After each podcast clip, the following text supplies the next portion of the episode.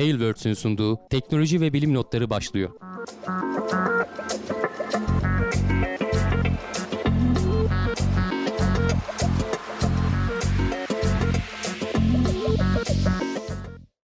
Teknoloji ve bilim notlarına hoş geldiniz. Ben Hamdi Kellecioğlu. Karşımda Volkan Ekmen var. Her hafta olduğu gibi teknoloji bilim dünyasından gözümüze çarpan haberlerle karşınızdayız. Nasılsın Volkan?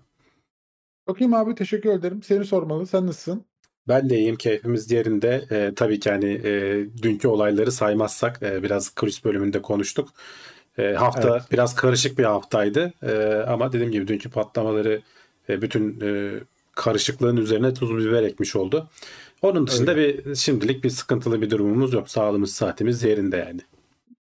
Evet bu haftada e, böyle geçti. Gene işte başsağlığı dileklerimizi ve geçmiş olsun dileklerimizi iletelim. Bütün Türkiye için e, olumsuz bir durumdu. Ama tabii ki biz şimdi e, haberlerimizde e, umuyoruz ki gene ülke gündeminden biraz daha uzaklaşıp e, neler olmuş, neler bitmiş teknoloji bilim notları adına konuşuyor olacağız. Hemen ilk haberimizde başlıyoruz. NASA Artemis 1 görevini 16 Kasım'a erteledi. Evet, yine bir ertelemeyle evet, geçen başladık. hafta konuşurken Her hatırlarsan e, 14'ünde yani bu sabah aslında hani fırlatılır biz de akşamına konuşuruz falan filan diyorduk. Ama e, beklenen ya bir fırtına vardı. Hatta şeyde de karar verememişler. Hangardan çıkarırken ulan çıkarsak mı çıkarmasak mı bayağı arada kalmışlar. Sonra çıkarmaya karar vermişler ama fırtına beklenenden fazla olmuş.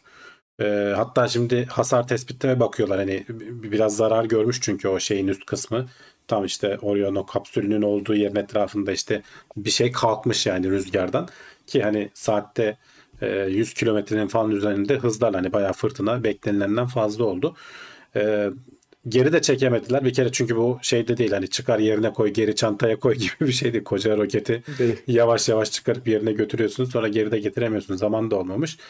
E, ondan biraz eleştirdiler aslında. Ulan bekleseydiniz fırtınadan sonra çıkarsaydınız ama bu sefer de e, işte bu 14'ü 16'sını kaçırıyorsun. 19'unu da kaçırıyorsun. Hatta fırlatma pencereleri var ya ta 25'ine kalacaktı. E, neyse diyorlar hani ufak e, zararlarla atlattık. Çarşamba günü muhtemelen e, artık hani çarşamba fırlatırız diyorlar ama hala da bir yandan e, tamir çalışmaları devam ediyor. Ufak tefek tamirler hani büyük değil. İşte e, kalkan parçaları e, kırpacaklar. E, kopan elektrik kabloları falan filan var. İşte su giren e, yerler varmış. E, insanlı görev olmadığı için hani insanların şu yürü, yürüyeceği yerlere falan biraz bir miktar su falan dolmuş. Oraları temizlemişler. Hani bu tarz böyle ufak tefek şeyler var e, limitlerin sınırına kadar gelmiş. Mesela diyor ki hani 18 metre seviyesinde saatte 137 kilometreye kadar diyor SLS'in hani rüzgara dayancı var. 132'yi ölçmüşler. Yani neredeyse o sınırlara gelecek ama tabii hani bu limitlerin de daha ötesinde bir limitler var. Yani hani biraz daha orada bir güvenlik faktörü var. Hani 139 var olsaydı kesinlikle. devrilmezdi ama işte böyle ufak tefek de olsa e, zarar verebiliyor.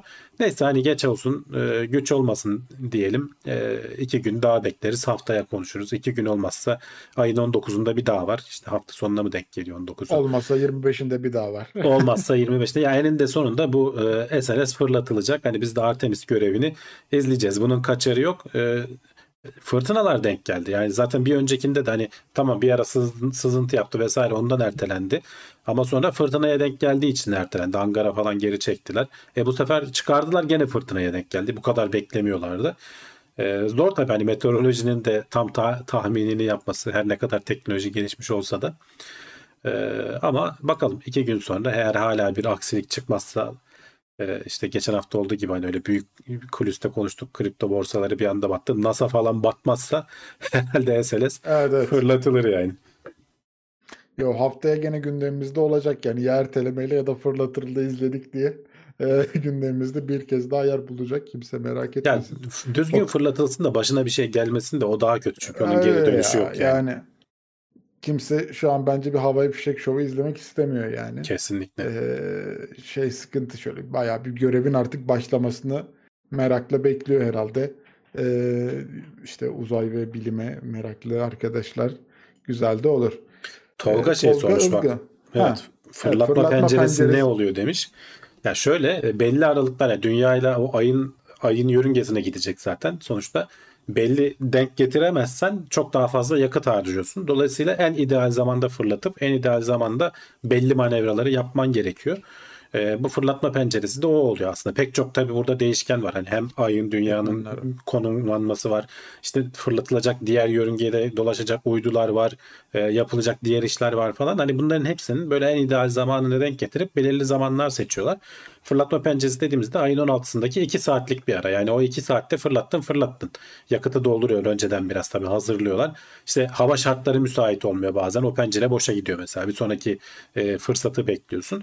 Dediğim gibi hani dünya ile ayın böyle en uygun haliyle birbirlerinin etrafı. En büyük etken odur ama diğer başka etkenler de var. Bunları hepsini gözetip e, en uygun zamanda fırlatıyorsun. Türkiye saatiyle de sabah saatlerine denk gelecek galiba. Çarşamba yanlış hesaplamadıysam sabah 9-10 gibi pencere başlıyor. İşte olacağız ama en azından takip edebilecekler varsa e, Evet. gene duyuruları takip eder hem Twitter'dan hem de NASA'nın sitesinden hatırlatmış olalım gene bilimseverlere.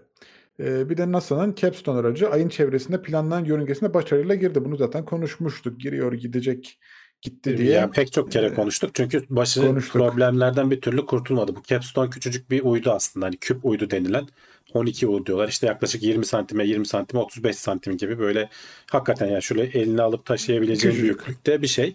Bunun amacı neydi? Artemis e, görevlerinde kullanılacak olan bir e, Lunar Gateway dedikleri oraya bir e, uzay istasyonu kuracaklar. Hani e, ayın yörüngesinde olacak bu sefer. Onun bulunacağı bir yö- yörünge var. Hatta onu da göstereyim. Near Rectilinear e, neydi? Halo Orbit diyorlar. Böyle farklı değişik bir tarzda. Ay ile dünyanın e, şeyini e, ne denir? Düzlemini düşün. Böyle düz bir yer gibi düşün. Bu ayın öteki tarafında şöyle yukarıdan aşağı doğru dik dönen bayağı e, ek- eliptik bir yörünge. Şöyle e, özellikle sağ alt taraftaki şeyi görebilirseniz orayı takip edebilirseniz hani ayın etrafında e, aya e, 2000 kilometreye kadar yaklaşıp 3000 kilometreye kadar yaklaşıp 70 bin kilometreye kadar uzaklaşan bir yörünge bu. E, şimdi buraya sen uzay istasyonunu kuracaksın da bu istasyon yani bu yörünge yeterince stabil mi? Ne kadar yakıt harcayarak burada durabiliyorsun vesaire falan. E, bunu e, ölçmek için bu küçük uyduyu gönderdiler aslında. Bu e, işte Capstone görevi Öncü 6 ay görev. Evet 6 ay Evet. boyunca orada dönecek ve işte çeşitli ölçümler alacak. işte kütle çekimlerini vesaireleri falan görür. Ne- yörüngesinin ne kadar bozulduğuna vesaireye falan bakar. Ee, ne kadar düzeltme manevrası yapması gerektiği falan gibi onlara bakılacak. Sonrasında da işte e, şey görevleri asıl hani Artemis görevlerinin ilk üçü gerçi Ay'a doğrudan iniş falan olacak ama sonrakilerde artık Lunar Gateway'i e, kurmaya başlayacaklar adamlar. Orada da astronotlar önce oraya gelecek. Orada bir duraklayıp çay molası verdikten sonra ayın yüzeyine inecekler. 7 günde bir e, aya yakın yere geliyor.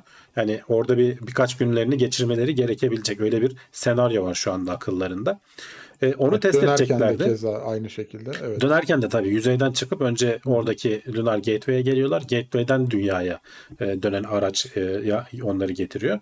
E, Capstone görevi sorunlarla başladı dedik. İlk önce bir, bir gün boyunca bağlantıyı kopardılar hatırlarsan. Biz bunların hepsini her hafta böyle başına geldikçe konuştuk.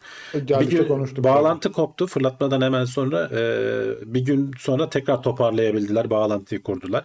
Sonra e, bir ateşleme manevrasında valflerden biri açık mı kalmıştı, sızıntı mıydı neydi tam hatırlamıyorum. Alet takla atmaya başlamıştı. Safe moda girdi o yüzden. E, dünyadan hani iletişimi tam böyle doğru anten açısı geldiğinde iletişimi kurup e, düzeltmeyi falan başardılar. O bir ay boyunca falan öyle takla ata ata gitti. Çünkü manevrayı bir kere yaptılar. Bir sonraki yörüngeye girme manevrasına kadar zamanımız var. Ağırdan alacağız diyorlardı. Neyse onu da konuştuk. Toparladıklarını da konuştuk. En son işte bugünkü olay artık e, ayın etrafında o e, bekledikleri yörüngeye girdiler. Şimdi artık hani bundan sonra kazasız belasız inşallah 6 ay boyunca oradan e, datasını alacak dünyaya gönderecek. Küçücük bir uydu. Ucuz bir görev ama çok önemli bir işi var aslında. Öyle öyle. Ayın yörüngesine de soktuğumuz ilk e, küp uydu bu arada. Evet yani ay, Ee, ay, buymuş. aya bir şey göndereceğin zaman genelde büyük bir şey gönderiyorsun ama bundan sonra şey diyor.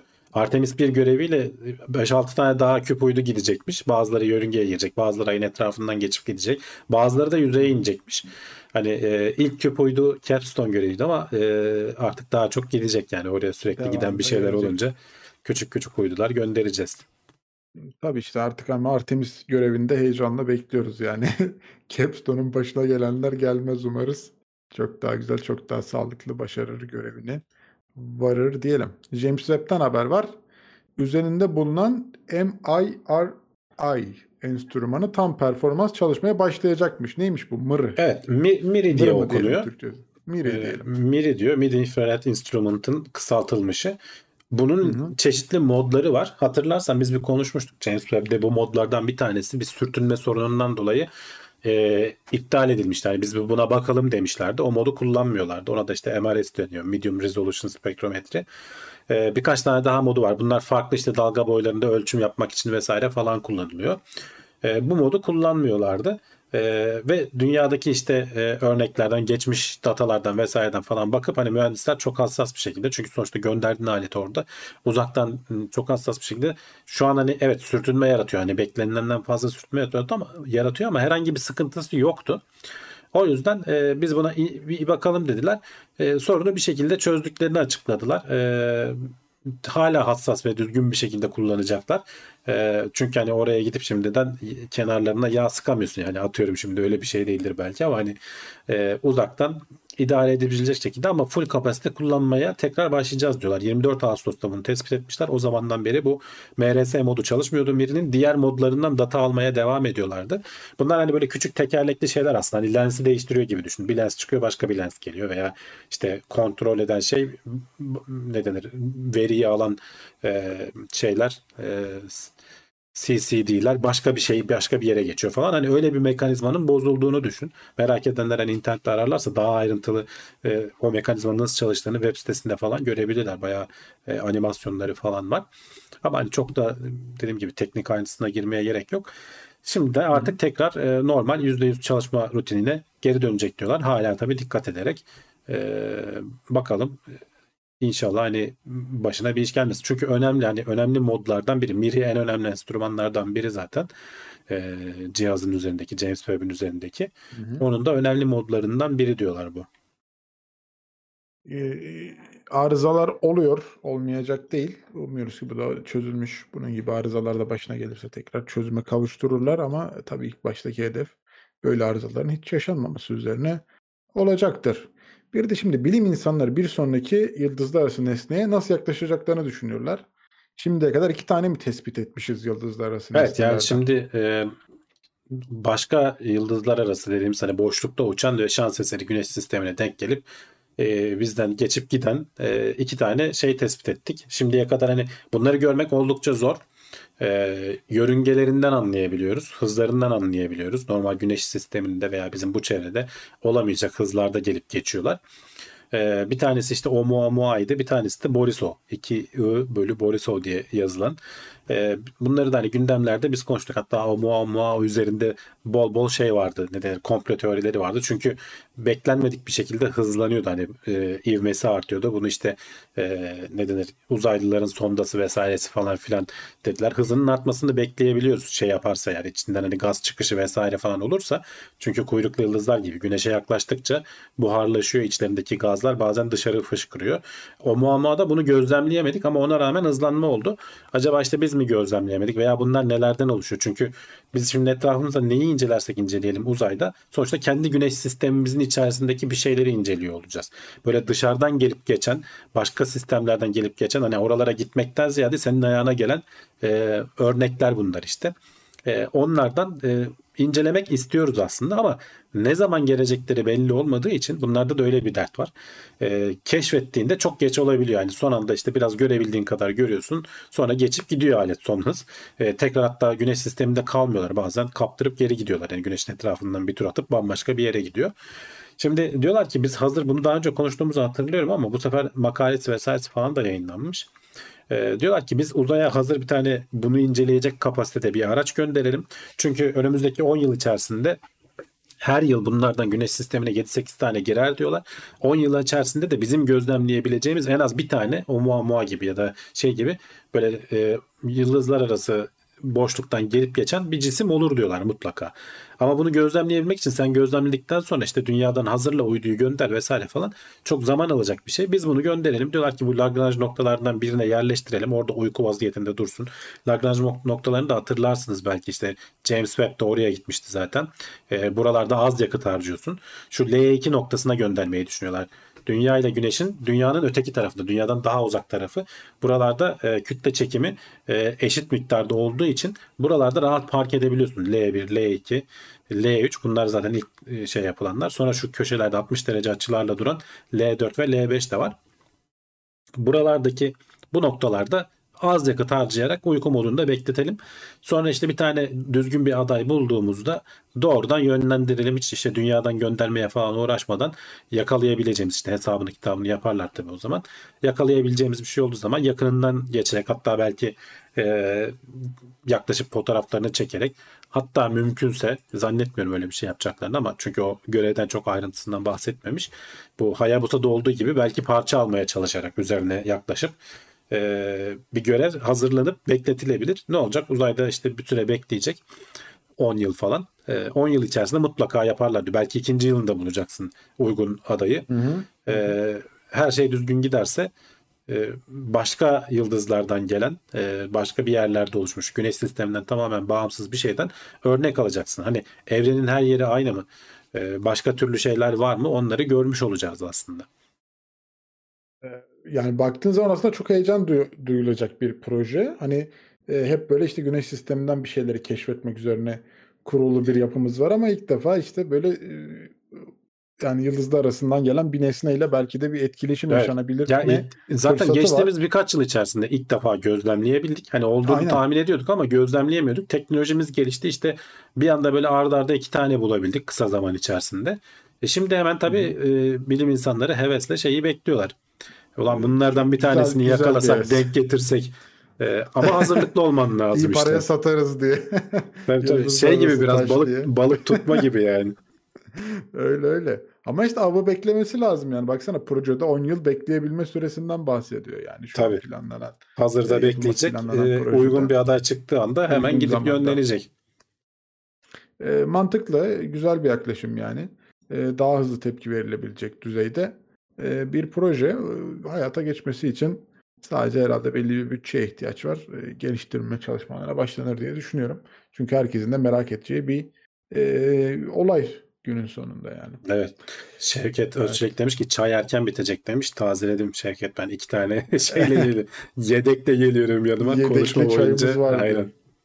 Yedekli çayımız vardır. Sıkıntı yok.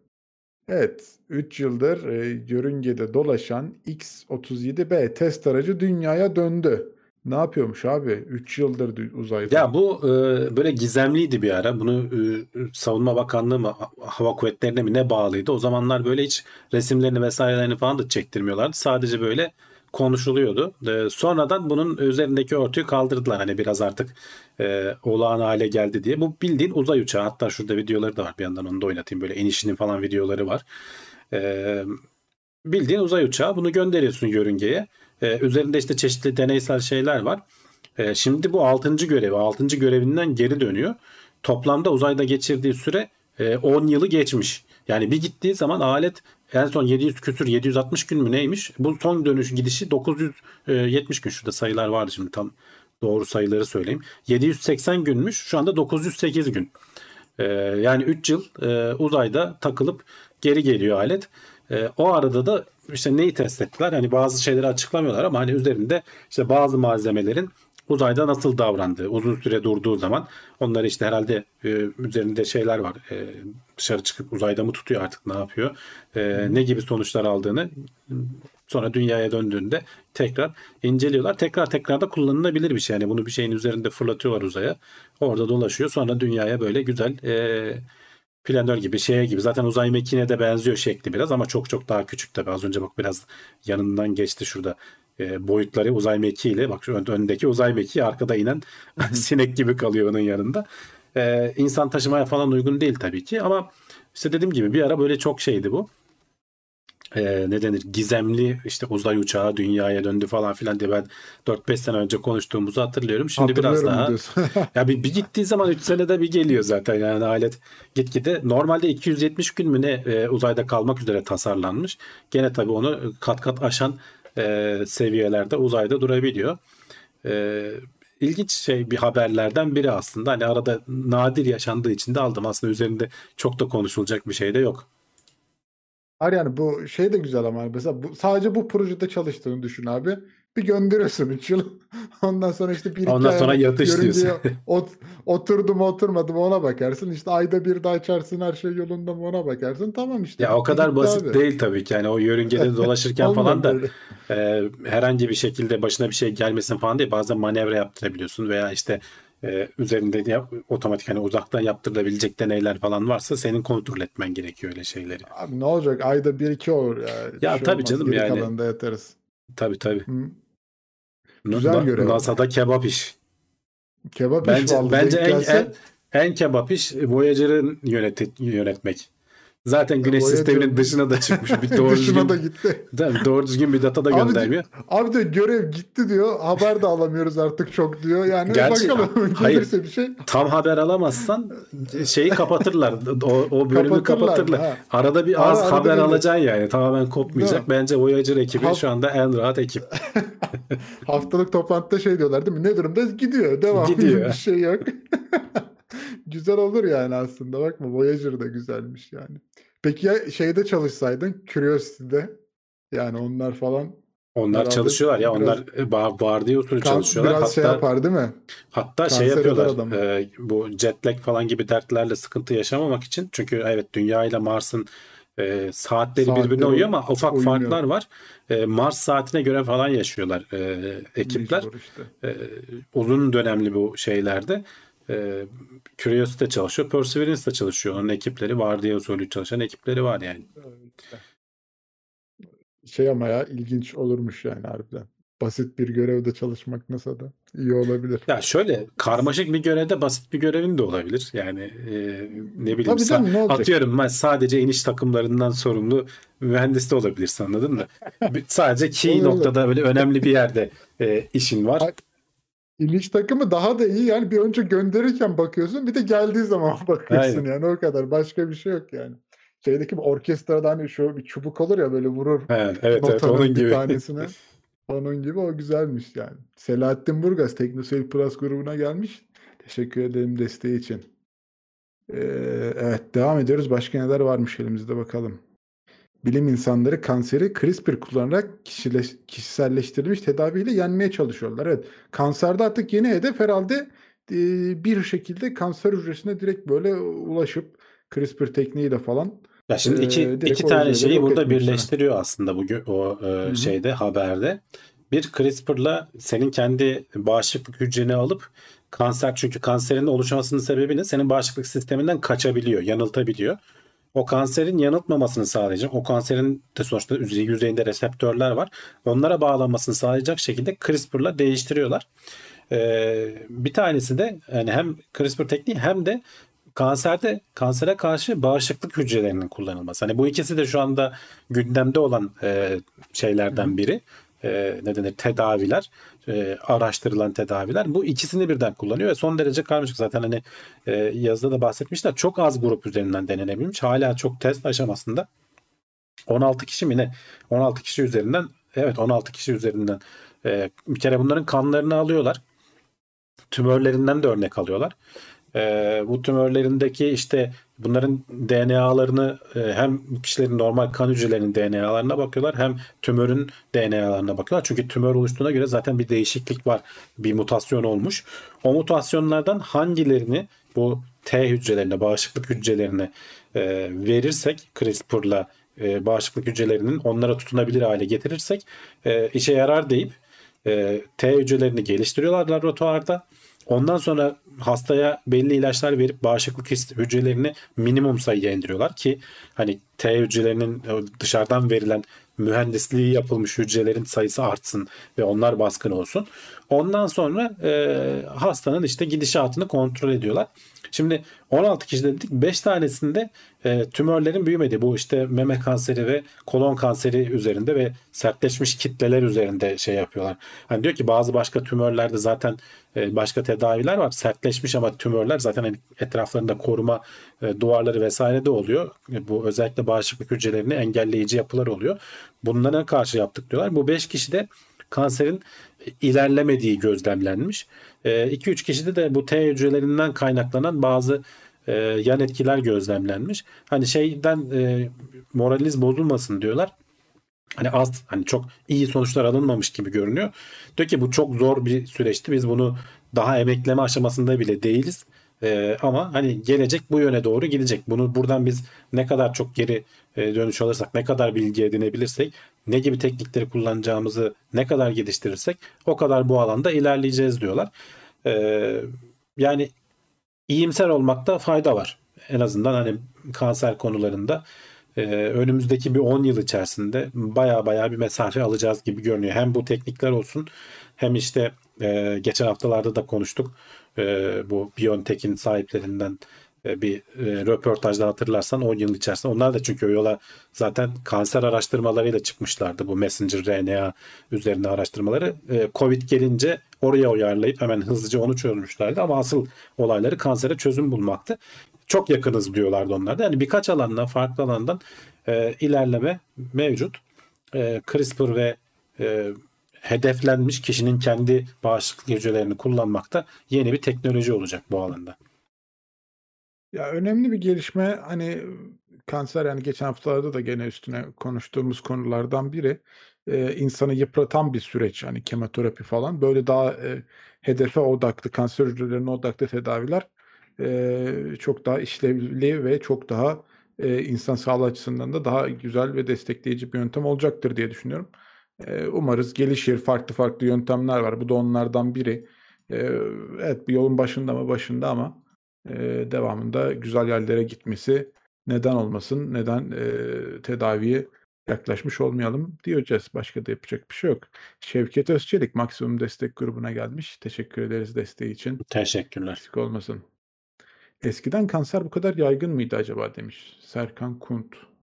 Ya şöyle orada Yani farklı şeyler var. Eee, eskiden teknolojimiz bu kadar gelişkin olmadığı için bu kadar iyi ayrıntılı bakmıyorduk. Sağlık Tespit edemiyor olabilir tespit mi? edemiyorduk. Sağlık sistemleri bu kadar yaygın değildi.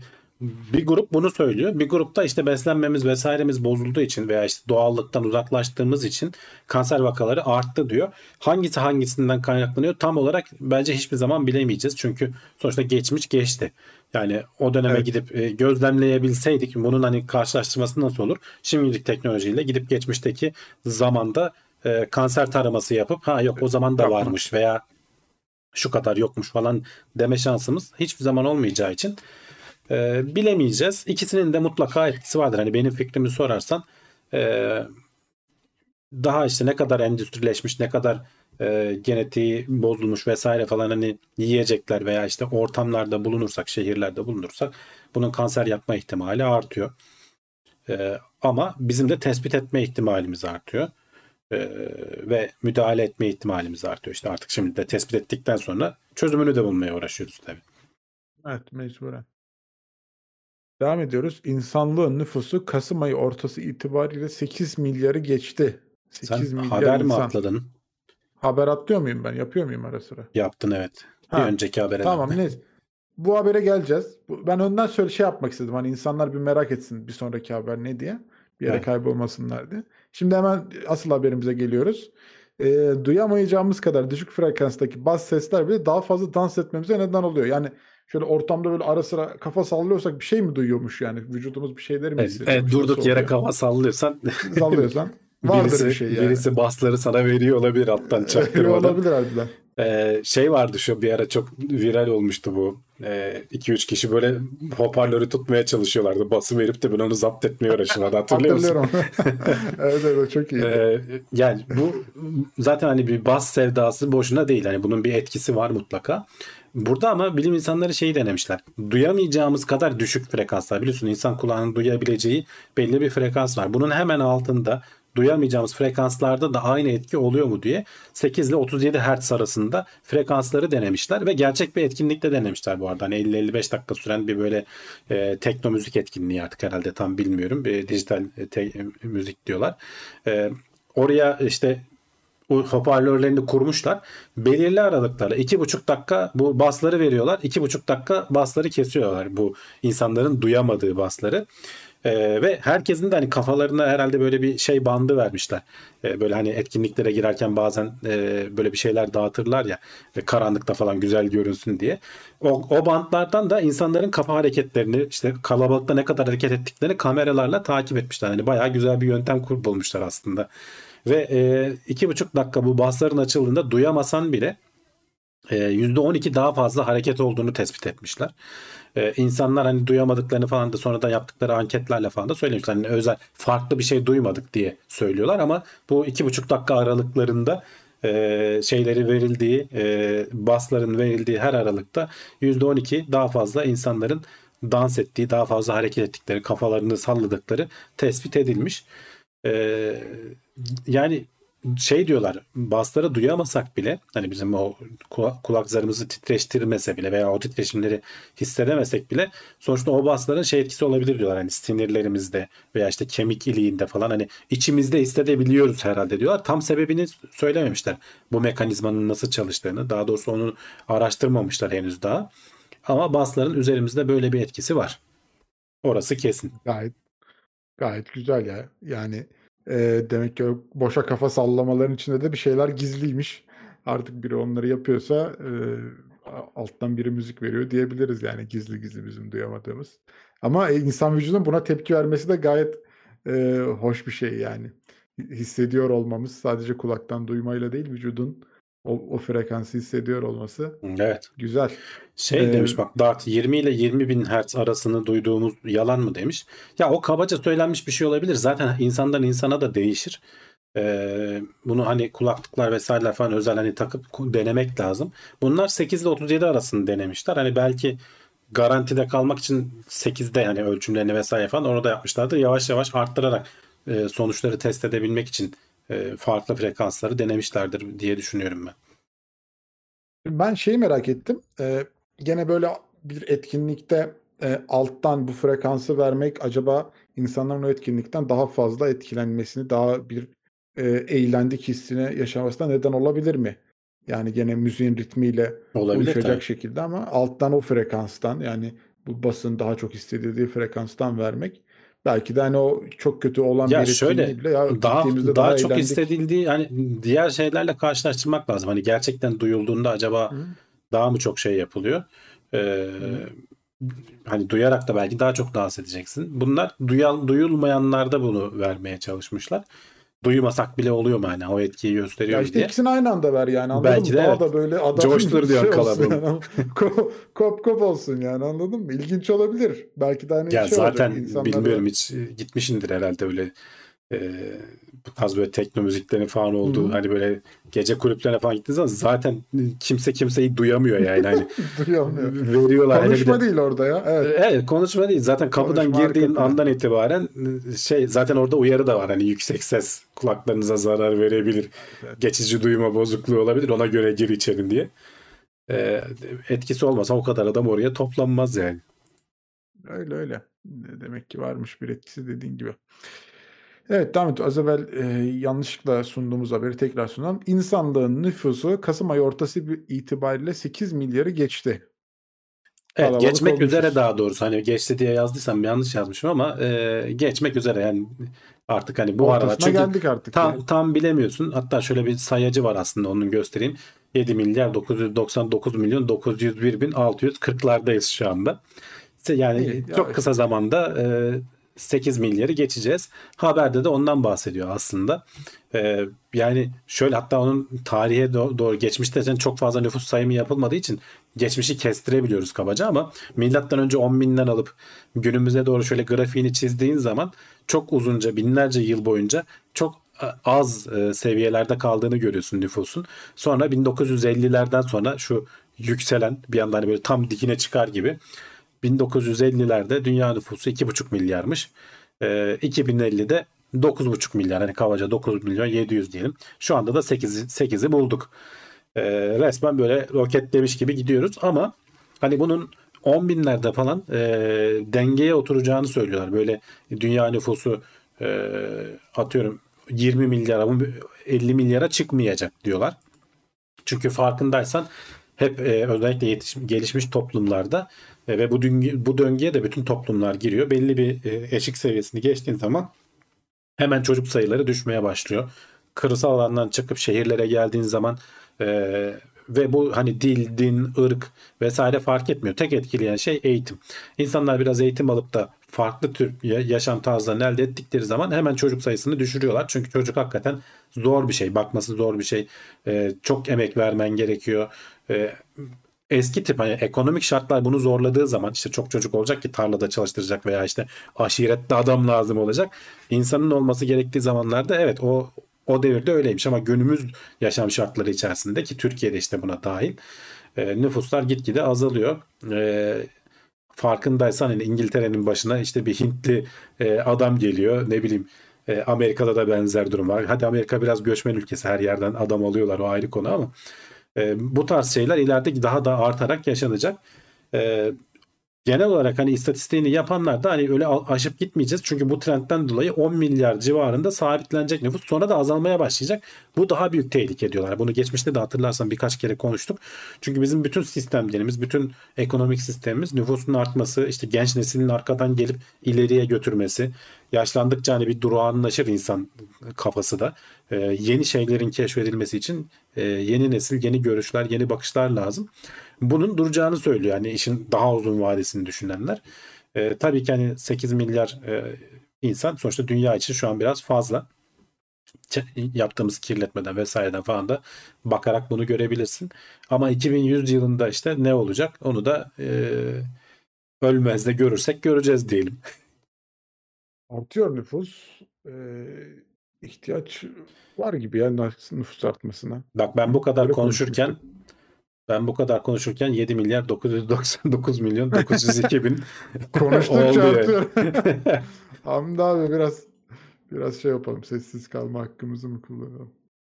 Penisilinin icadı demiş Şevket Özçelik. Evet yani 50'lerden sonra hani antibiyotiğin bulunması başka şeyler de var tabii. Hani biz gene geçmişte konuşmuştuk. Hatta en önemli şeylerden biri kurumların bulunması demişti adam. Hatırlarsanız o benim mesela çok ilgimi çekmişti. O yüzden aklımda o kalmış. Ee, 1950'lerden önce e, bu işte düzenlemeleri yapan kurumlar işte bu etin içerisinde suyun içerisinde ne var işte ne denir e, havacılık kurumu vesaire gibi şeyler olmadığı için çok daha tehlikeli bir yerde dünya diyor. İşte adam asbestle inşaatı yapıyordu kimsenin umurunda olmuyordu diyor. Ama sonradan bu düzenleyici kurumlar bu işte ne denir medeniyet diyebiliriz aslında hani buna kabaca e, geldiği zaman bir anda işte e, işte aşılama sistemleri oturuyor e, ne bileyim işte besine ulaşma sistemleri oturuyor. E, buzdolabı mesela gene bu yüzyılın başında 1900'lerin başında buzdolabının olması e, bu kadar büyük şehirlerin e, bir arada olabilmesini falan sağlıyor diyorlar. Hani hiç düşünmediğimiz şeyler arka planda çıkabiliyor. Ee, ama resmen hani 1900'lerden itibaren ve 1950'lerden sonra da artan bir şekilde trend evet 1800'lerde başlamış ama tam böyle fırlatma anı hani 4-3-2-1 deyip de roketleme anı 1900'lerden sonra. Evet. Dünya nüfusu artmaya devam ediyor. Göçmenlerle beraber Türkiye nüfusu kaçtır sizce demiş Serkan Kunt. Yani bizde bir nereden baksan herhalde bir 10 milyon Türkiye göçmen var mıdır abi? Şöyle e, aslında bak az önceki grafiği de açayım hatta onu da bir görüp konuşalım. Konuşamıyoruz. Niye konuşamıyoruz? Nerede? Yani. Ha şu. Dünya, orada en çok ülkelerin olduğu şeyler var. Türkiye nüfusu 90'ı geçmiştir herhalde diye tahmin ediyorum ben hani göçmenlerle 86. birlikte. 84. Şu an bak birinci Çin onları da bu paylaştığım e, World Meters Info World Population diye ararlarsa ya da ben linkini de koyarım TeknoSeyir'e. Linkini chat'e attım. Çin Çin'de e, Çin bir buçuk milyar. Hindistan yakalamış durumda geçmek üzere Çin'i ve Hindistan hani ilerleyecek durumda. Çin biraz yani kendini kontrol ediyor. Üçüncü sırada Amerika var e, nüfus olarak. Sonra işte Endonezya, Pakistan, Nijerya falan geliyor. Türkiye de aslında hani bu listeye girebilmiş. 18. sıradayız. 86 milyonla. Ama işte göçmenlerle falan bu hani biz 90'ı geçmişiz. En azından İran'ı geçmişizdir. Gerçi İran da bayağı göçmen alıyor e, Afganistan tarafından vesaire ama e, yani nüfusun çok olması kötü bir şey değil aslında. Bunun avantajları da var dediğim gibi. Ama doğru yönetilmesi lazım. O nüfusun hani niteliği de önemli. e, nicelikten ziyade ama niceliğin de az olmaması lazım veya azalmıyor olması lazım. O da hakikaten başa bela bir şey. İlginç. En aşağıdaki ülke şey mi ya o? Vatikan mı? Holy See. Bütün Vatikan- ülkelere bakayım. Şöyle bütün ülkelere bakmadım ben. Ha, en aşağıda 801.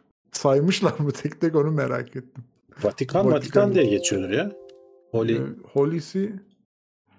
Ben şimdi az evvel baktım da şeyden öyle yorumladım yani. Yanlış yorumlamış neresiymiş? olabilirim. Yazınca Vatikan diyor. Olabilir. Belki de hiç ben bu ismini duymamıştım. Hmm. Cevdet abi gelmiş. Hoş geldin abi. Selamlar. Hoş geldin Cevdet. Teknoloji- Yayına da bekleriz. Teknoloji çok rol oynadı demiş Ünal. Evet, Kutsal da makam etkileri var. demekmiş. Evet Vatikan. Vatikan, Hiç bak mi? ben hiç ben bunu duymamıştım bu ismi. Ben de bu şimdi görünce merak ettim de oradan. O yüzden yani 801 dedim en, en az nüfuslu yer neresiymiş diye de. Ee, Vatikan başkenti e, ülkenin ismi bu şeyi Holy See. Başkenti Hmm. Vatikan City diyor. Biz demek ki başkentiyle hep kullanıyoruz. Evet olabilir. Ee, başka ne? Her ne kadar beğenmesek de güzel bir dönemde yaşıyoruz demiş Selahattin Vati- Burgaz. Vatikan'ın nüfusu azalmış. 1955'te 908'miş. 800'e düşmüşler. 100 kişi azalmış. Yaşlanıp yaşlanıp ölüyor tabii papalar. Al, almıyorlar mı Kardinal- kimseyi? Öyle mi? Kardinaller falan. Alttan da nüfus gelmiyor işte demek ki.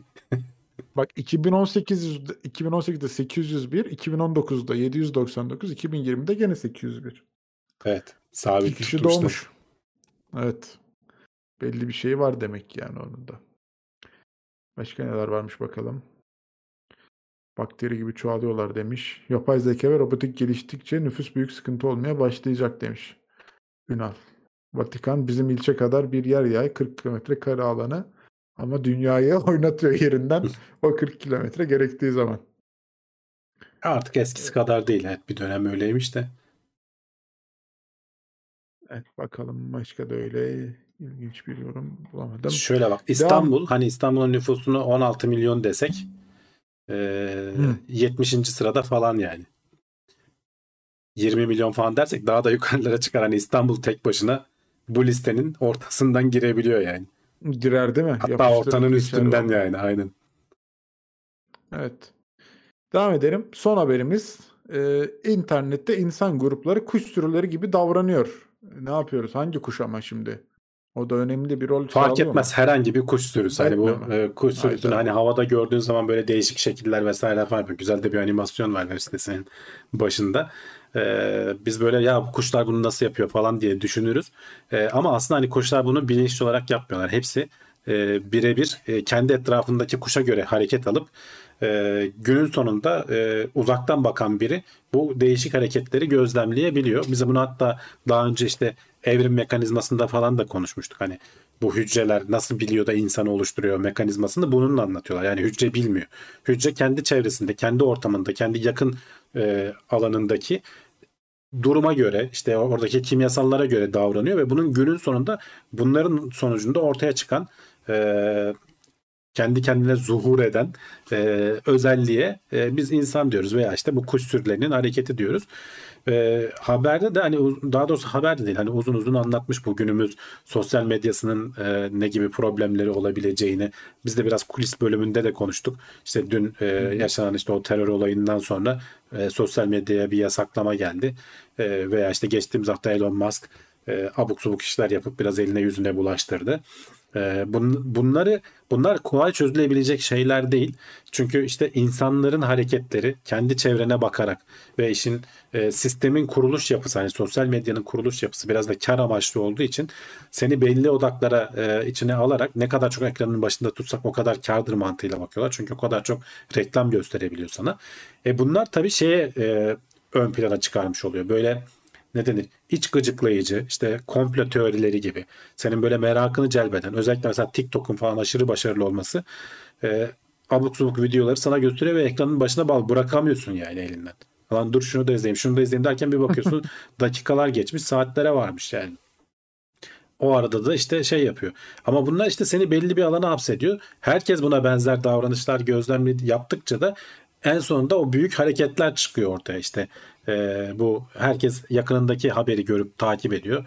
Ee, o senin hareketlerini takip eden mekanizma e, sana daha çok onları gösterebiliyor veya aynı gruplara katıyor veya sana arkadaş öneriyor. Diyor ki bak siz ikiniz de komple teorileri seviyorsunuz. Volkan'la arkadaş ol diyor. Hayda bu sefer biz de bir grup olmaya başlıyoruz. E, ve iyice birbirimizi ateşliyoruz. Abi bak e, bunu da yapmışlar, şunu da etmişler falan diye.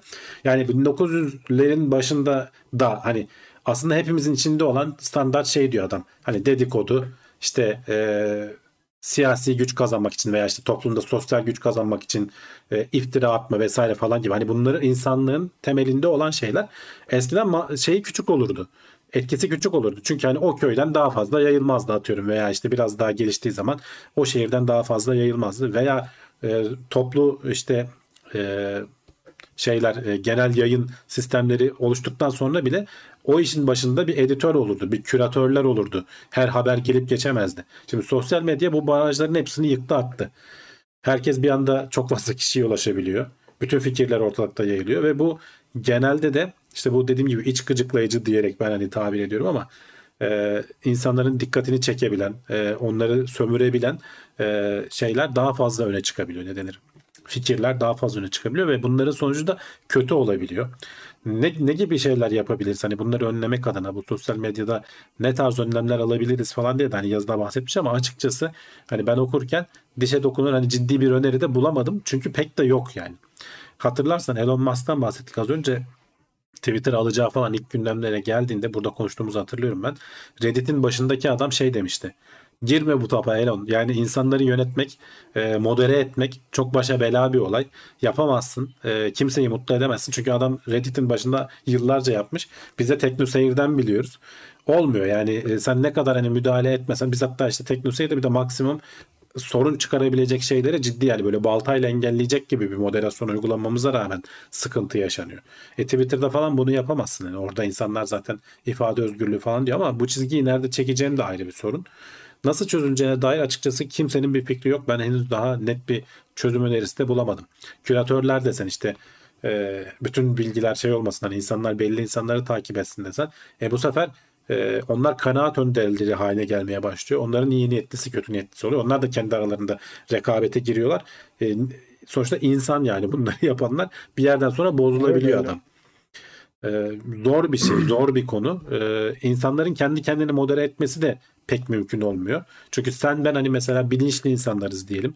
Modere ediyoruz kendimizi. Yalan haberi yaymamaya çalışıyoruz. Ama bir o kadar da bilinçsiz insan var. Hatta belki daha fazla ve onlar o yalan haberin üzerine atlıyorlar. Sorgusuz sualsiz ya. daha çok yayıyorlar. Dolayısıyla düzgün hani şey derler ya doğru haber e, duyulana kadar yalan haber 9 tur atar dünyanın çevresinde diye bir öyle, laf öyle. vardı. Böyle bir şey oluyor hakikaten. Ve bir çözümü de yok açıkçası. Ya, ben bulamıyorum yani.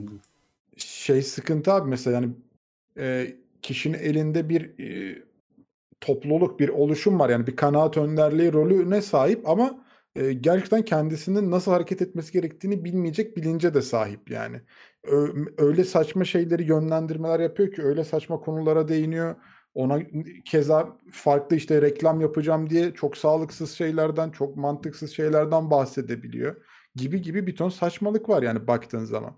Şimdi e, sen kendin bir güce sahipsen onu yönetmesini de önce onu bile bilebiliyor olman lazım ki daha sonra insanlara sen bu bilgiden bahsedebiliyor ol yani. Şimdi biz burada konuştuğumuz bütün haberlerin altına bir e, haberin linkiyle beraber gene doğru kaynaklardan bulup ekleyip o şekilde konuşuyoruz üstüne yorumluyoruz. Şimdi adam çıkıyor diyor ki işte e, bilmem ne zayıflatma hapı aldım çok güzel şey 1 milyon takipçisi var hesabın. E, yani şimdi sen 1 milyon kişiyi biz şey altına almış oldun baktığın evet. zaman. Onu da doğru yönetemiyorsun yani. Bir dön önce bir kendine bak. Ben ne yapıyorum de belli bir kitleyi temsil ediyorsun. Sana güvenen, sana e, belki de gerçekten seven e, bir in, insan topluluğu var. Hani onlara hitap ediyorsun. E, ona göre bakman lazım. Ona göre bir yol haritası çizmen lazım yani. Şimdi, ya şimdi devletlerin kontrolünden şey. mesela e, yaka silkiyoruz, istemiyoruz e, otoritelerin kontrolünden. Ama mesela işte bak bu, bunu şeye de bağlayalım. Çünkü aslında biraz benziyor bence konular. Bu geçen hafta yaşanan kripto olayına da bağlayalım. Kontrol etmediğin zaman da e, mutlaka bozuluyor bir şeyler. Yani o, o firmanın e, batmasının sebebi doğru düzgün devlet mekanizmalarını veya işte regüle edecek kimse bu mekanizmanın henüz kripto tarafında kurmaması. Bu insanları çekiyor çünkü aşırı karlar sağlıyor sana. Ama o aşırı karlar işte böyle riskleri alarak sağlanıyor. Yani e, şey yok hani e, ne denir ucuza kolay bir şey yok. E, her şeyin hani aldığın risk kazandığın para bunun doğru atılması. Dünyada bu dünya böyle bir yer. Sen Aa, ne güzel burası süpermiş diyorsun. 2-3 gün kazanıyorsun. Sonra bir yerde yerin dibine çakılabiliyorsun. Sosyal medya da öyle bir şey. Yani evet özgürlük Öyle. vesaire falan çok önemli. Buna buna her, yani buna itiraz edecek ben kimseyi düşünemiyorum zaten. Ama dengesinin nasıl sağlanacağı konusunda çok ciddi tartışmalar var ve bir çözüm de bulunamamış durumda.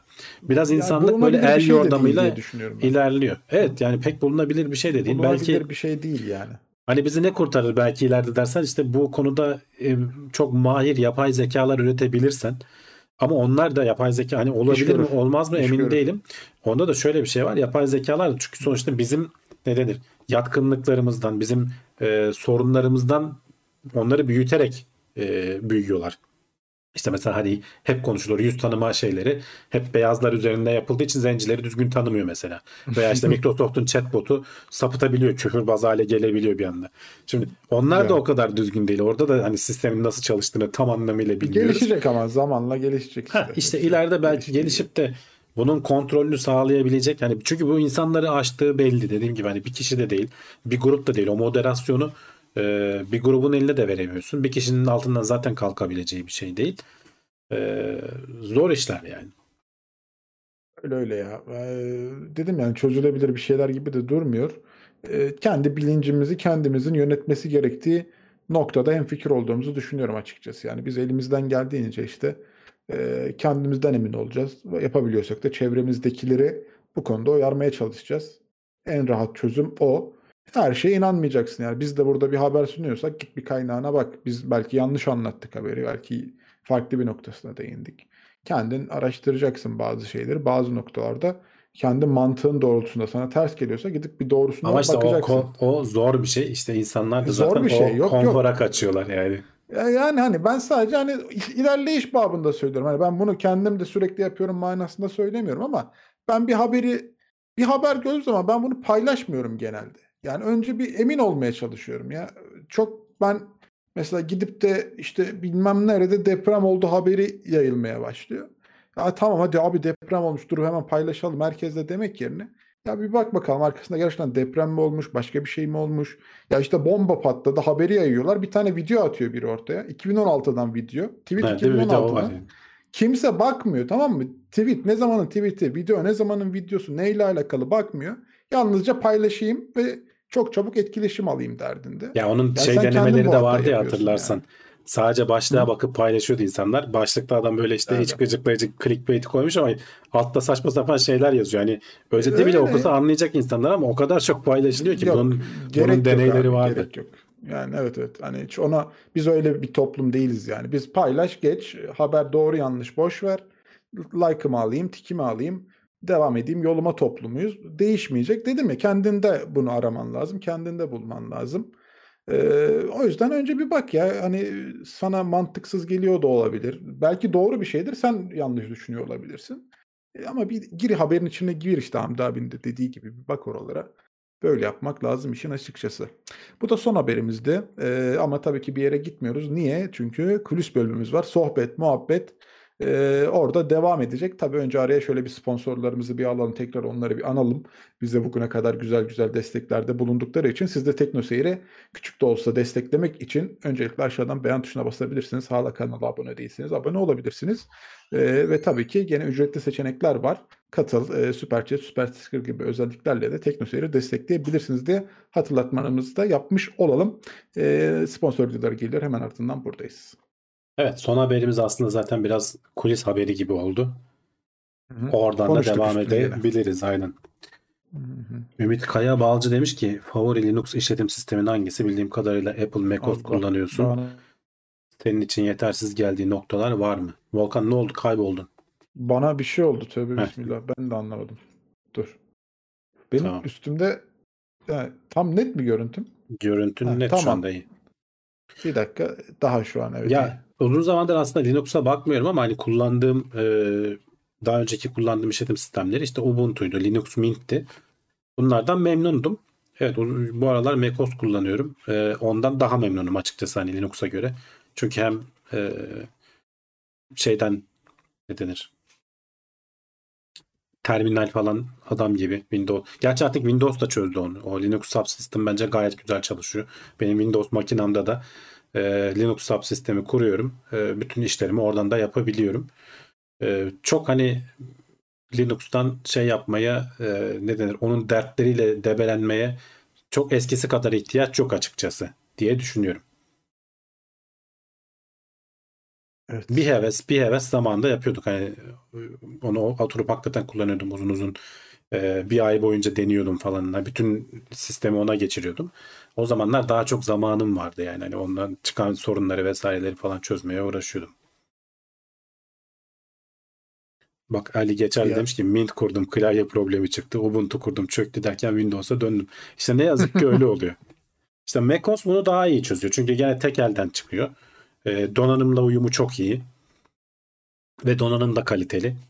Ee, onu çok güzel çözüyor yani.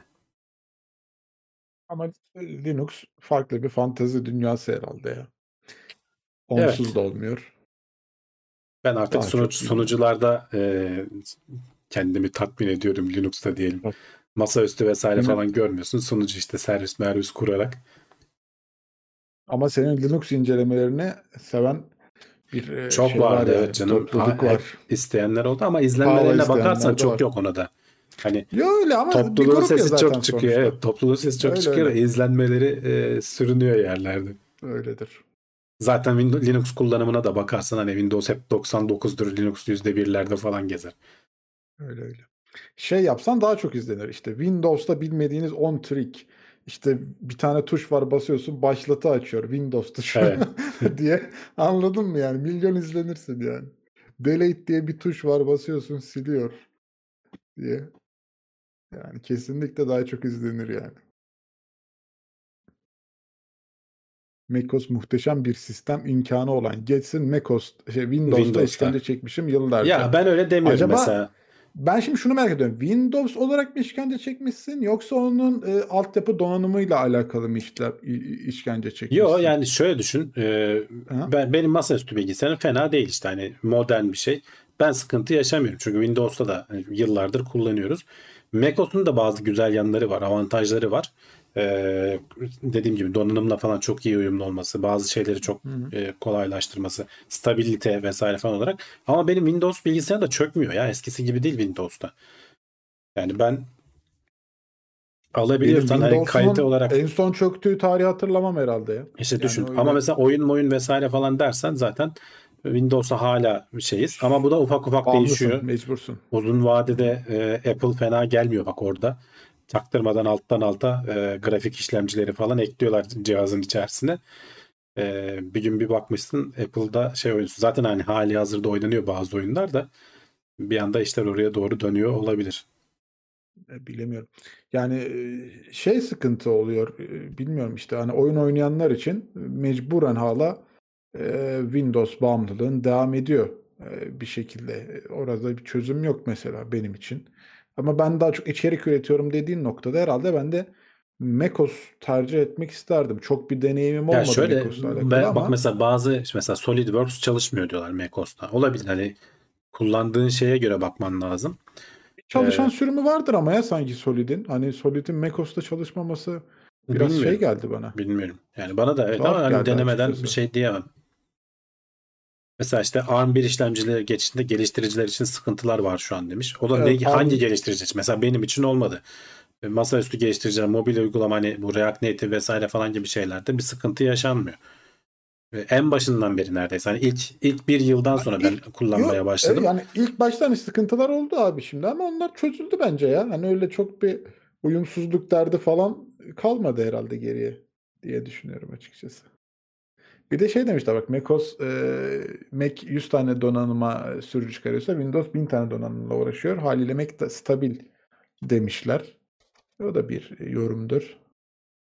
Bak e, Cevdet WhatsApp'tan şimdi mesaj atmış. Diyor ki dünkü olaylardan sonra travmatik olaylarda ne yapmalı temalı bir yayın yaptım demiş. Onun linkini hemen burada paylaşıyorum. Ee, Merak paylaşalım. edenler eee, videoyu izlesin.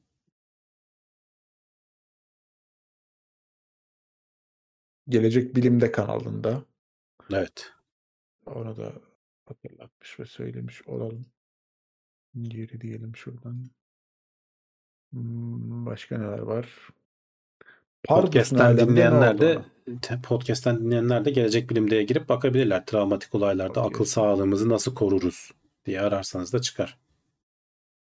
Pardus projesi askıya mı alınmıştı en son öyle mi hatırlıyorum ben? Yanlış mı hatırlıyorum? Pardus bir ara askıya alındı sonra tekrar başladı ama en son ne oldu bilmiyorum. Hardus 21.0 sürümü yayında demiş. Bakalım ne zaman haberi? Ya o ilk Pardus'tan ayrıldı ama yani 2000 2021'in haberi bu. kendileri e, geliştiriyorlardı bir ara. Bayağı da destek alınıyordu. E, Linux camiasından yani destek alınıyor derken devletten falan değil. Sonra o projeyi öldürdüler. Neler yaşandı bilmiyorum. Bir, bir sürü bir şeyler oldu. Sonra Ubuntu gibi hani Debian temelli e, bir yapıya geçtiler. O zaman da eleştiriyorlardı hani e, sadece paketin hani makyajı vesaireyi falan değiştirip e, şey yapar hale geldiniz diye. Ben de bir takip ara etmedim şeyden mi bahsetmiştin? Neden böyle işletim sistemlerine ihtiyacımız var? Neden Türkiye'nin geliştirmesi lazım diye. Sanırım böyle bir şeylerden bahsetmiştin diye hatırlıyorum Bahsettik. ben. E tabii yani o Ha, bir bir program da yapmıştık yanlış hatırlamıyorsam. Öyle, oradan hatırlıyorum ben, çalışan arkadaşlarla. güzel güzel bir içerikti. Ya Öyle kesinlikle kalmış olmalı, yani. desteklenmeli ama Aha. işte e, yani böyle ittirmeyle de olmuyor bazı şeyler. İşte yani gl- globalde dünya çapında Linux doğru düzgün e, kullanıcı bulamazken Türkiye'de hani Türkiye kendi geliştirdiği şeyler nerede olur? İşte devlet daireleri vesaire falan hani oralarda lisans bedelleri olmasın diye belki şey yapabilirsin ama insanların kullanması dediğin zaman insanlar Windows'a falan dönerler yani. Evet. E, 3080'li 64 GB RAM'li kurgu bilgisayarımı yarı fiyatı olan MacBook M1 Pro için sattım. Çok daha iyi performans vermekte demiş. Ya evet Hava yani video işlerinde e, öyle diyorlar. E, ben hani çok Güzel. video editingle vesaireyle falan uğraşmadım. Ama işte hani şeyleri incelersen ki hani Mesut Çevik mesela hep videolarında kendisi hani Apple ekosistemine geçtiğini ve hani orada kontenti öyle yarattığını, videoyu da telefondan çekiyor, o telefondan hızlıca aktarıyor. E, orada yapıyor ve hemen ayaküstü pildeyken hani kabloyu falan da duvara takmana gerek kalmıyor. Hakikaten pildeyken bu performansı veriyor. Böyle bir etkinliğe falan gittiğin zaman şey yapabiliyorsun. Çok hızlı e, yayına çıkabiliyorsun videolarını bayağı da editlenmiş haliyle. iPhone'da da falan da bunun bayağı ayrıntılı incelemeleri Ee, vardı yani. Tele, telefonda bile editliyorsun ya artık neredeyse. Hani çok E, hızlı. tabii onu, onu yapanlar da var. telefon üzerinde ben iPhone'dan mesela şeylerini çok severim. Adam her işte iPhone ve iOS sürümü çıktığında e, işte bir belli bir videoyu e, enkod mu denir işte hani tekrardan işliyor. Onu karşılaştırıyor. Süreler her zaman gitgide kısalıyor işte yani Hani 4K videoyu adam işte işliyor artık süresini hatırlamıyorum. İşte 4 dakikadan 2 dakikaya düşmüş bir sonraki nesilde falan artık baya baya hızlanmış telefonda bile bu işler e, editleyebilirsin. Güzel. Bunu bir Android telefonda herhalde o kadar hızlı yapamazsın diye düşünüyorum ki uygulama desteği bile o kadar değil.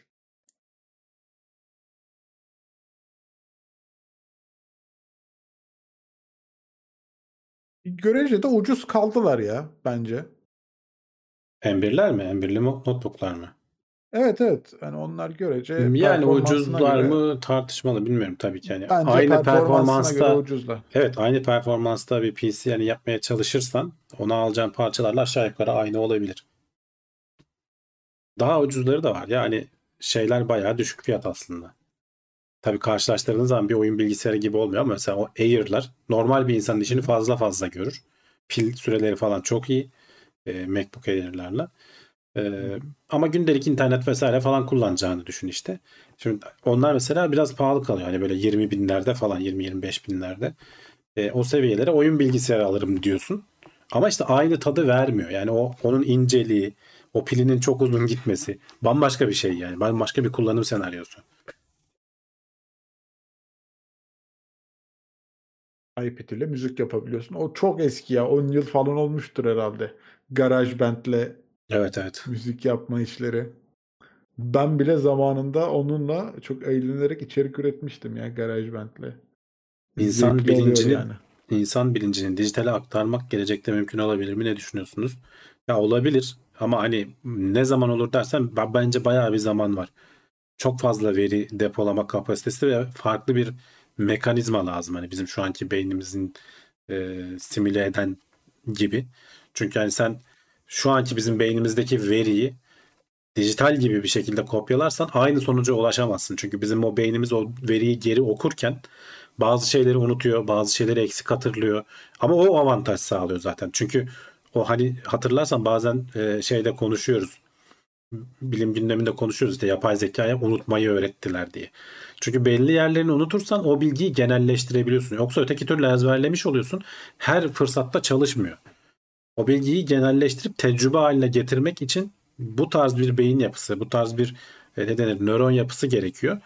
E, bunu işte ileride belki hani dijitallerle taklit edebilir miyiz veya simüle edebilir miyiz veya başka türlü bir teknoloji gelişir.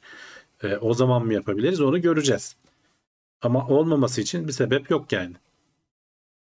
Bence Black Mirror'da, Black Mirror'da olan her şeyi bir gün yaşayacak insan topluluğu. Yani. Demans bad sektör oluyor bu durumda demiş. Evet yani aslında zaten demans dediğinde oradaki hücrelerin bir şekilde ölmesi beyin hücrelerinin ve e, orada depolanan verinin veya işte orada e, yapılan işlevin yapılamaz hale gelmesi. Hem kusurluyuz hem de arzularımız tarafından yönlendiriliyoruz demiş Dart. E öyle o insan olmanın gereği o başka yani onun altında yatan başka bir e, fiziksel faktörler var. İşte acıkıyoruz vesaire falan.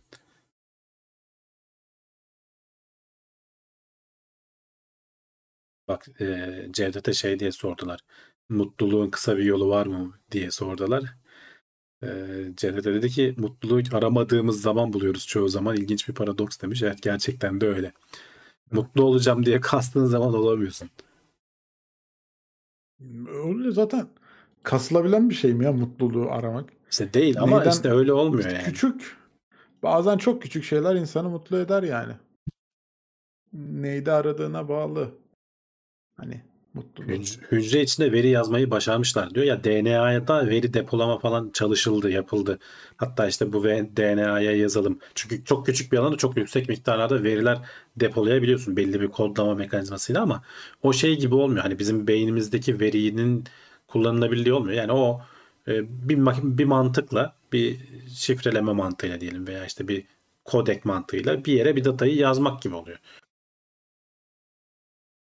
şey gibi değil. Hani bizim beynimizi dijitalleştirmek gibi işte bilgisayarın içinde yaşamak gibi değil.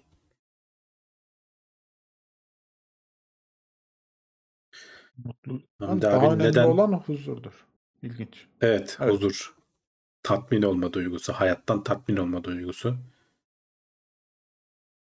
Neden hep Neden yakası olan yaka- şeyler giriyor Evet, demişler. diyormuşum. Ee, ya Anlat öyle seviyorum. abi.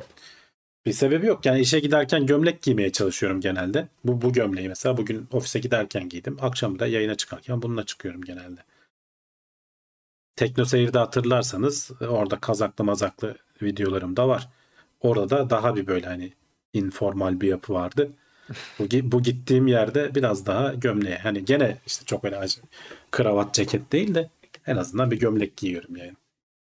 Ha bunu kimse söylüyor mu? Söylemiyor. Ben öyle yapıyorum. Yazılı bir kuralımız yok diyorsun. Ha yok.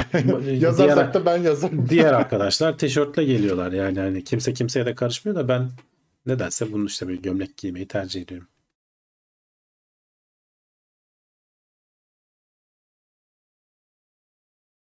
Matematik icat mı keşif mi? Ya bu çok tartışılan bir şey. Bunun cevabını ne yapacağız? Yani onu da şimdi merak ettim. Ya bu bir Abi- çeşit felsefi soru aslında hani Evet, cevabını bir şey yapacağın değil de fazla bir felsefi soru yani. olan olan bir şeyi mi e, şey yapıyorsun? Ne denir? E, buluyorsun keşif de- denilen ya da işte olmayan bir şeyi sen mi icat ediyorsun? Yani doğa, doğada yani. zaten var mı diyorsun? Biraz biraz sanki biz icat ediyoruz ve işte doğada işimize yaradığı için kullanıyoruz gibi geliyor bana. Hani kişisel olarak sen ne dersen. Ama tabii ki doğaya bakarak hani sonuçta bir şeyler çıkarıyoruz. Ama mesela Çoğu işimize gel alanda kompleks sayılar diye bir şey uyduruyorsun mesela işte iyili miyili sen bilirsin Volkan. Hı hı. Ee, o, o işine yarar. Doğada çok var mı? Yok yani aslında hani ama Yok. E, bir yerde hani elektriğin falan mekanizmasında işe yarıyor. Onu orada kullanıyorsun. O, o şeyi. O matematiksel şeyleri orada kullanıyorsun.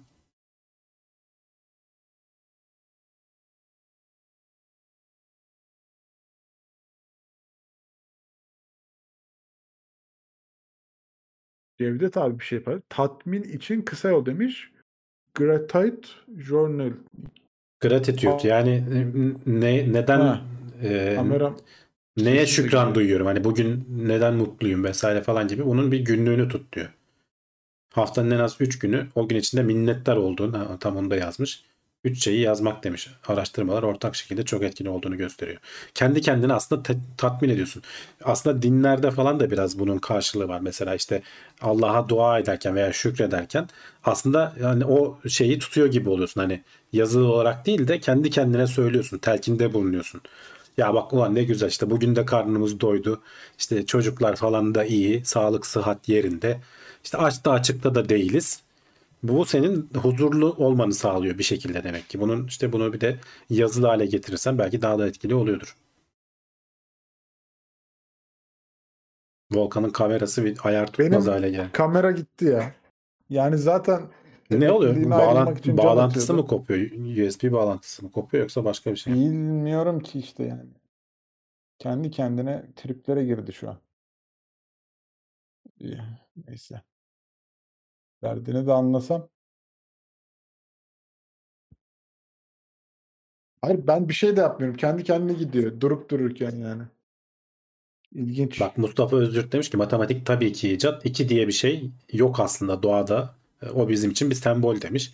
Yani evet hani iki diye bir şey yok ama iki tane bir şey var. Oradan yola çıkarak biz bunu söylüyoruz. O yüzden zaten biraz kafa karıştırıyor.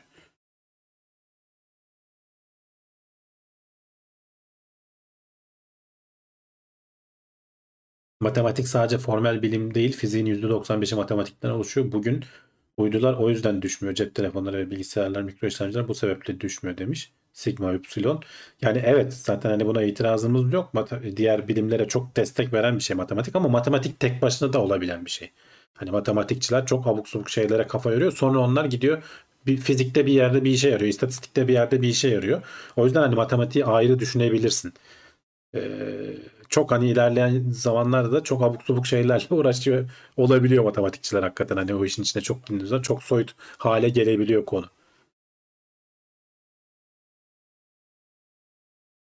Gene gitti. Arkadaş ya.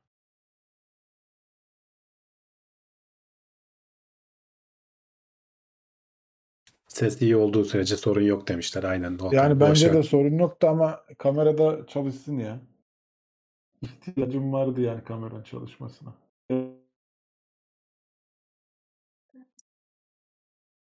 Ömrünü doldurdu ya. Orası kesin. İki, iki yılı bitti ya. Şeyli planlanmış eskitme diyorsun. Planlanmış eskitme ya resmen yani. Baksana kendi kendine yapıyor durup dururken.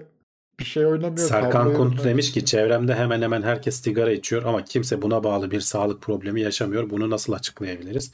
Çevrendeki herkes genç mi Serkan? Ee, eğer genç yaşlardaysa mesela burada örneklemen yanlış olabilir. 20'li yaşlarda sigara içenlere bakıyorsan 50'li 60'lı yaşlarda sigara içenlerden o kadar yıl içenlerin çektiği sıkıntıları göremiyor olabilirsin. Kendi hani basit küçük örneklemine bakıp karar vermen zor. Veya işte atıyorum 80 yaşında deden vardır. Fosur fosur içiyordur hiçbir şey olmamıştır. Ama 80 yaşına gelemeyen nice dede vardır senin görmediğin.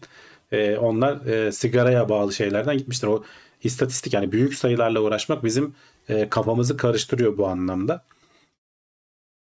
O yüzden e, hani bilim bilim zaten hani bilim insanları e, araştırmalarının büyük bir kısmında kendilerini bu tarz böyle e, yönelimleri elemekle e, zamanlarını harcıyorlar. Selection bias deniyor demiş bak aynen. Kendi çevrenden bakıp karar veremezsin.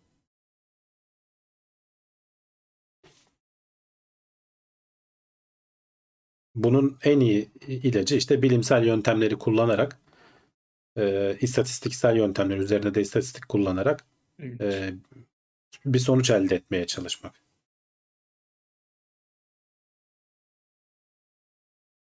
USB portunu değiştirdim kameram. Umarım çözer.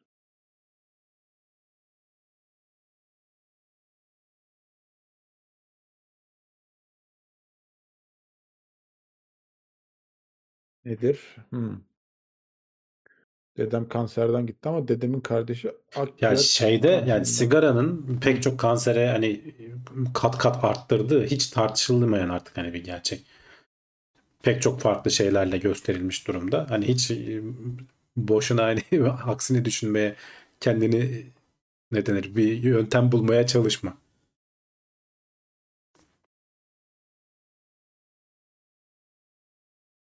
Bir de içten içe de çürütüyor yani. İlla direkt dışa vuruyor Tabii, diye tabii. bir şey yok. Ya işte bu küçük küçük küçük etkiler uzun vadede ortaya çıkıyor. Zaman Yani sigaranın gerçi hani yaşam kalitesini düşürücü etkileri hemen ortaya çıkıyor. Yani hani işte o ağzının çok kötü tat hissetmesi, işte öksürmen, işte iki adım yürüdüğün zaman nefes nefese kalman falan bunları hemen yaşamaya başlıyorsun. Cüzdanın boşalması. Cüzdanın da- boşalması aynen bunları hemen yaşamaya başlıyorsun. Ama asıl hani sağlık problemleri 30 yıl sonra çıkıyor. E, o insanlar da böyle uzun vadeli şeyleri öngöremiyorlar. En kötü yanımız biz. Biz hep kısa vadeli şeyleri görecek şekilde kafamız çalışıyor. Uzun vadeli düşünebilsek işte bu küresel ısınmaya da zaten çözüm bulacağız. İnsanlar hani söyleniyor ama kimse önlem alamıyor. Yakın vadedeki şey daha tatlı geliyor herkese kar. Üç günlük dünya psikolojisi.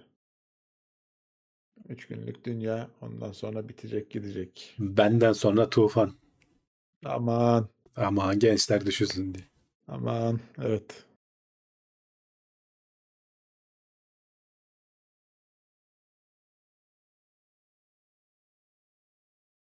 Kurbağa ısınıyor evet. Eskiler fosur fosur 80 yaşına kadar içiyorlardı demiş. Bak mesela herhalde işte ironi yapıyor ama ya işte e, ya ortalama yaşlara bakıyorsun. Sen çevrende mesela insan bir de unutuyor insan. Hani ilgisini çeken örnekleri daha çok aklında tutar. Lan adama bak 80 yaşına kadar yaşadı. Ama işte onun komşusu vardır. 60'ında ölmüştür. Onu unutursun mesela. Onları gündeme getirmezsin. Bunu kim unutmaz? İşte bilim insanları unutmuyor. Onların istatistiklerini çıkarıyorlar. Ortalama ömrün gitgide uzadığını görüyoruz. Niye? İşte ee, işte bakımlar falan iyileşiyor. İşte bu sigara falan vesaire gibi şeyler belki azalıyor. Sağlık e, hizmetleri falan güzelleşiyor. Ama eskiden daha çok yaşanıyordu diye bir şey olmadığı kesin yani. Burada daha sigaranın zararlarını tartışacaksak kapatıp gidelim ya. Vallahi Yok canım yani. Yani- Burada istatistiğini konuşuyoruz işte. aynen aynen hani daha gerek yok yani.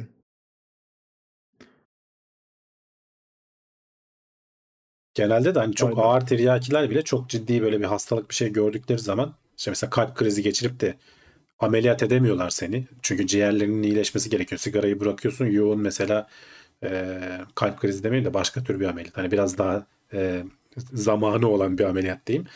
E, oksijeni veriyorlar. Ciğerlerin biraz toparlanınca seni ameliyat alıyorlar. Bunu gördüğün zaman o zaman bırakıyorsun. Gerçek tehlikeyi gördüğün zaman. Ama o zamana kadar işte 30 yıl 40 yıl içmiş oluyorsun. Ama bazı şeyleri kendisi tecrübe etmeyi seven insanlar var herhalde. Onlar o yolu tercih ediyorlar. Bak Cevdet diyor ki öyle ki şu anda bu konuda araştırma yapılmıyor. Aynen evet yani bu, bu konuyu kapattık yani artık hakikaten. Güzel, güzel evet. Lost devam ya. izliyoruz. Üçüncü sezon bitti herhalde. Sebebi de ne diyor? Bak öyle o kadar o kadar belli ki bir bilgi ki etik olarak insanları araştırmaya alamıyorsunuz bu konuda çünkü yeni bir bilgi vermiyor. Boşuna yormayın diye. 23-24 kat arttırıyor diyor akciğer kanserini. Bu akciğer kanseri sadece diğerlerini falan da çok arttırıyor. E, tamam. Lost ne durumda demişler Volkan sana. Lost izliyoruz abi ya. Üçüncü Hala sezon bitti işte. Dörde geçtik. Değişik şeyler ya. Ama ilk kez izliyorum evet. Bitsin de kurtulayım modundayım da. Bitmez herhalde. Hiçbir şey açıklamadıkları sezonlar devam ediyor hala. Alkol için de aynı şey geçerli mi demişler. Alkol için de gitgide e, uyarılar artıyor söyleyeyim. Biz de hep gündemlere getiriyoruz. Amerikan işte Onkoloji Derneği mesela hiç içmeyin diyor. Mümkünse hiç içmeyin diyor adamlar. alkolün de kanserojen etkisi olduğunu, sigara kadar kötü olmayabilir. Hani etkisi o kadar fazla olmayabilir. Ee, ama hani adamların tavsiyesi hiç içmeyin mümkünse. Gitgide bu şey artıyor. Uyarı miktarı diyelim. 35 yaşına kadar için problem yok. Geçen haftanın konusu sigara ile alakalı. Evet 35'inde bıraktıysan tamam. Ee, problem yok. Düzeltiyormuş vücut kendini. Hiç hiç yapmasan daha iyi ama yani 35'inde de yaptıysan tamam kabulümüzdür.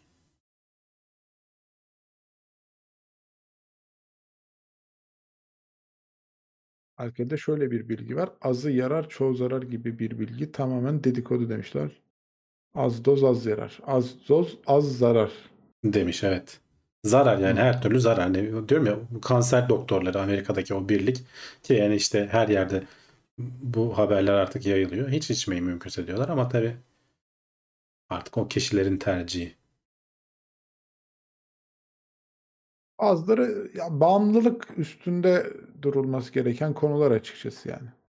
Bağımlılık. Bunlara karşı tepkinizi nasıl koyacağınıza dair işler. Android telefonlara ne zaman düzgün kamera koyacaklar demiş. Bir sürü kamera koymak yerine. Aslında düzgün kameralar vardı ya. Değişti mi? Eskiden iyiydi bayağı. Huawei'nin Samsung'un falan. Samsung'un, Samsung'un Huawei'nin seri- kameraları. serilerinde var. Parana göre ya. Paran varsa güzel Evet, kamera te- da var. telefonuna parana göre aynen. Parana göre yani. Ama genelde Ama- şey oldukları, sıkıntı yaşadıkları nokta yazılım mesela şey kadar olmuyordu mesela. Sıkıntı oluyor. Evet. Apple'ınki kadar mesela işte atıyorum e, 4K çözünürlükte 30 FPS veriyordu eskiden mesela. E, Bir türlü onu 60 FPS yapamıyordu. İşte 1080 yaparsan 60 falan veriyordu gibi böyle garip limitleri falan oluyordu. Bilmediğin. İşte yok geniş açıya geçince bir şey oluyordu falan. Bizim Öyle. e, Murat Levent falan hani videolarda hep bunları söylüyorlardı. Lost 6 sezon ya 4 değil arkadaşlar. Ee, mesela benim için kamerada telefon kamerandaki en güzel yaklaşımlardan biri şey oldu. Yani Apple'ın işte 3 kamerayı aynı anda video çekimiyle beraber kullanabiliyor olman. İşte geniş açıdan başlıyorsun. e, 1x kamera geçiyor. Daha sonra işte tele 2x kamera geçiyor ve bunu direkt smooth bir şekilde geçişlerini yapabiliyor. İşte istediğin kadar e, zoom ve zoom out yapabiliyordun kameralar arasında. Güzeldi ama ben diğer firmalardan hani yapıyorlarsa da o kadar şeyini duyamadım açıkçası. Reklamını duyamadım. Yine e, bir iki kamerayla aynı anda fotoğraf çekme gibi özellikler. E, hani istediğini kullanırsın tarzında. E, yine işte farklı farklı kameraları aynı anda video çekip daha sonra kendin istediğin şekilde birleştirme. Bunlar daha çok iPhone'da e, ön plana çıkan özellikler olarak kaldı. Diğer firmalar getiremedi video konusunda. Şu şey özelliği çok fantastik. çoğu Bilmiyorum ne kadar kullanılır da iPhone'da hani telefonu koyuyorsun da yataydaki elini de çekiyor ya geniş açısıyla onu düzeltip ekrana veriyor kamera gibi. Hmm. Çok fantastik bir Yukarıya, özellik. yukarıya şeyin üzerine koyuyorsun diyorsun. Bilgisayar Tabii tabii bilgisayarın üzerine üstüne. koyuyorsun. Hı. Karşıdan hani seni çekiyor. Ee, öteki kamerasıyla da galiba aşağı elinin olduğu yeri çek. Yani orada bir şey gösterebiliyorsun. Sanki böyle üstten Geniş açı- çekilmiş gibi. İşte geniş açı Biraz kamerasıyla görüntü çekiyor. kalitesi düşük oluyor ama hani bayağı düzeltiyor o görüntüyü. O mesela Hem düşük çok hem değişik de bir fikir bence. Şey biraz ama işte elin falan da yamuluyor yani nesneler olduğundan Evet biraz daha biraz büyük falan garip görünüyor. garip garip görünüyor. E tabii çünkü bozuyorsun aslında. Eğip büküyorsun bazı şeyleri. Evet. Ama hani değişik yani elde olan bir şeyi farklı bir uygulama yöntemi yaratıcı gelmişti bana. Dediğim gibi ne kadar Ben kullanılır onu bilmiyorum. O ayrı konu da Bedava yani. ve ekstra bir özellik yani. Aynen. Telefonla hani ekstra böyle çok yormadan sadece koy yukarıya. Hem seni çeksin hem aşağıya çeksin istediğin zaman. Kullanışta telefonu eğmene bükmene gerek yok. Kullanırsın yani. Evet hadi yavaştan kapatalım ya. Ee, Geldi mi o vakit? geldi Hayda, geldi. Gidiyoruz. Vallahi gidiyoruz beyler. Neyse Haftaya- haftaya, buradayız. Gene buradayız inşallah bir aksilik Gene çıkmazsa. Artemis haberiyle başlayacağız diye içimde yüksek bir. Göreceğiz. Bir o haberle başlarız ama hani ertelendi mi fırlatıldı mı onu göreceğiz. Patladı mı Herkes ne oldu konuşacağız. Ee, ne şimdi? Önce 16'sını bekliyoruz. Daha sonra kaç dedik? On- 19'u. 18'i mi? 19'u ve 19 zaten olmazsa konuşacağız. Daha Olmazsa sonra 25'ine konuşacağız. kadar bekle, beklemeye devam edeceğiz. Ee, sağ olun izlediğiniz için. Beğenmeyi unutmayın. Tekrar hatırlatmış olalım. Twitch'te benim kanalımı da takip edebilirsiniz. Diseklet adıyla. YouTube'da da kanalım var. yemek yayınları yapıyoruz orada da. İlginçtir. Belki seversiniz. Takip edin. Ee, haftaya buradayız. Görüşmek üzere. Kendinize çok iyi bakın. Hoşçakalın. Hoşçakalın.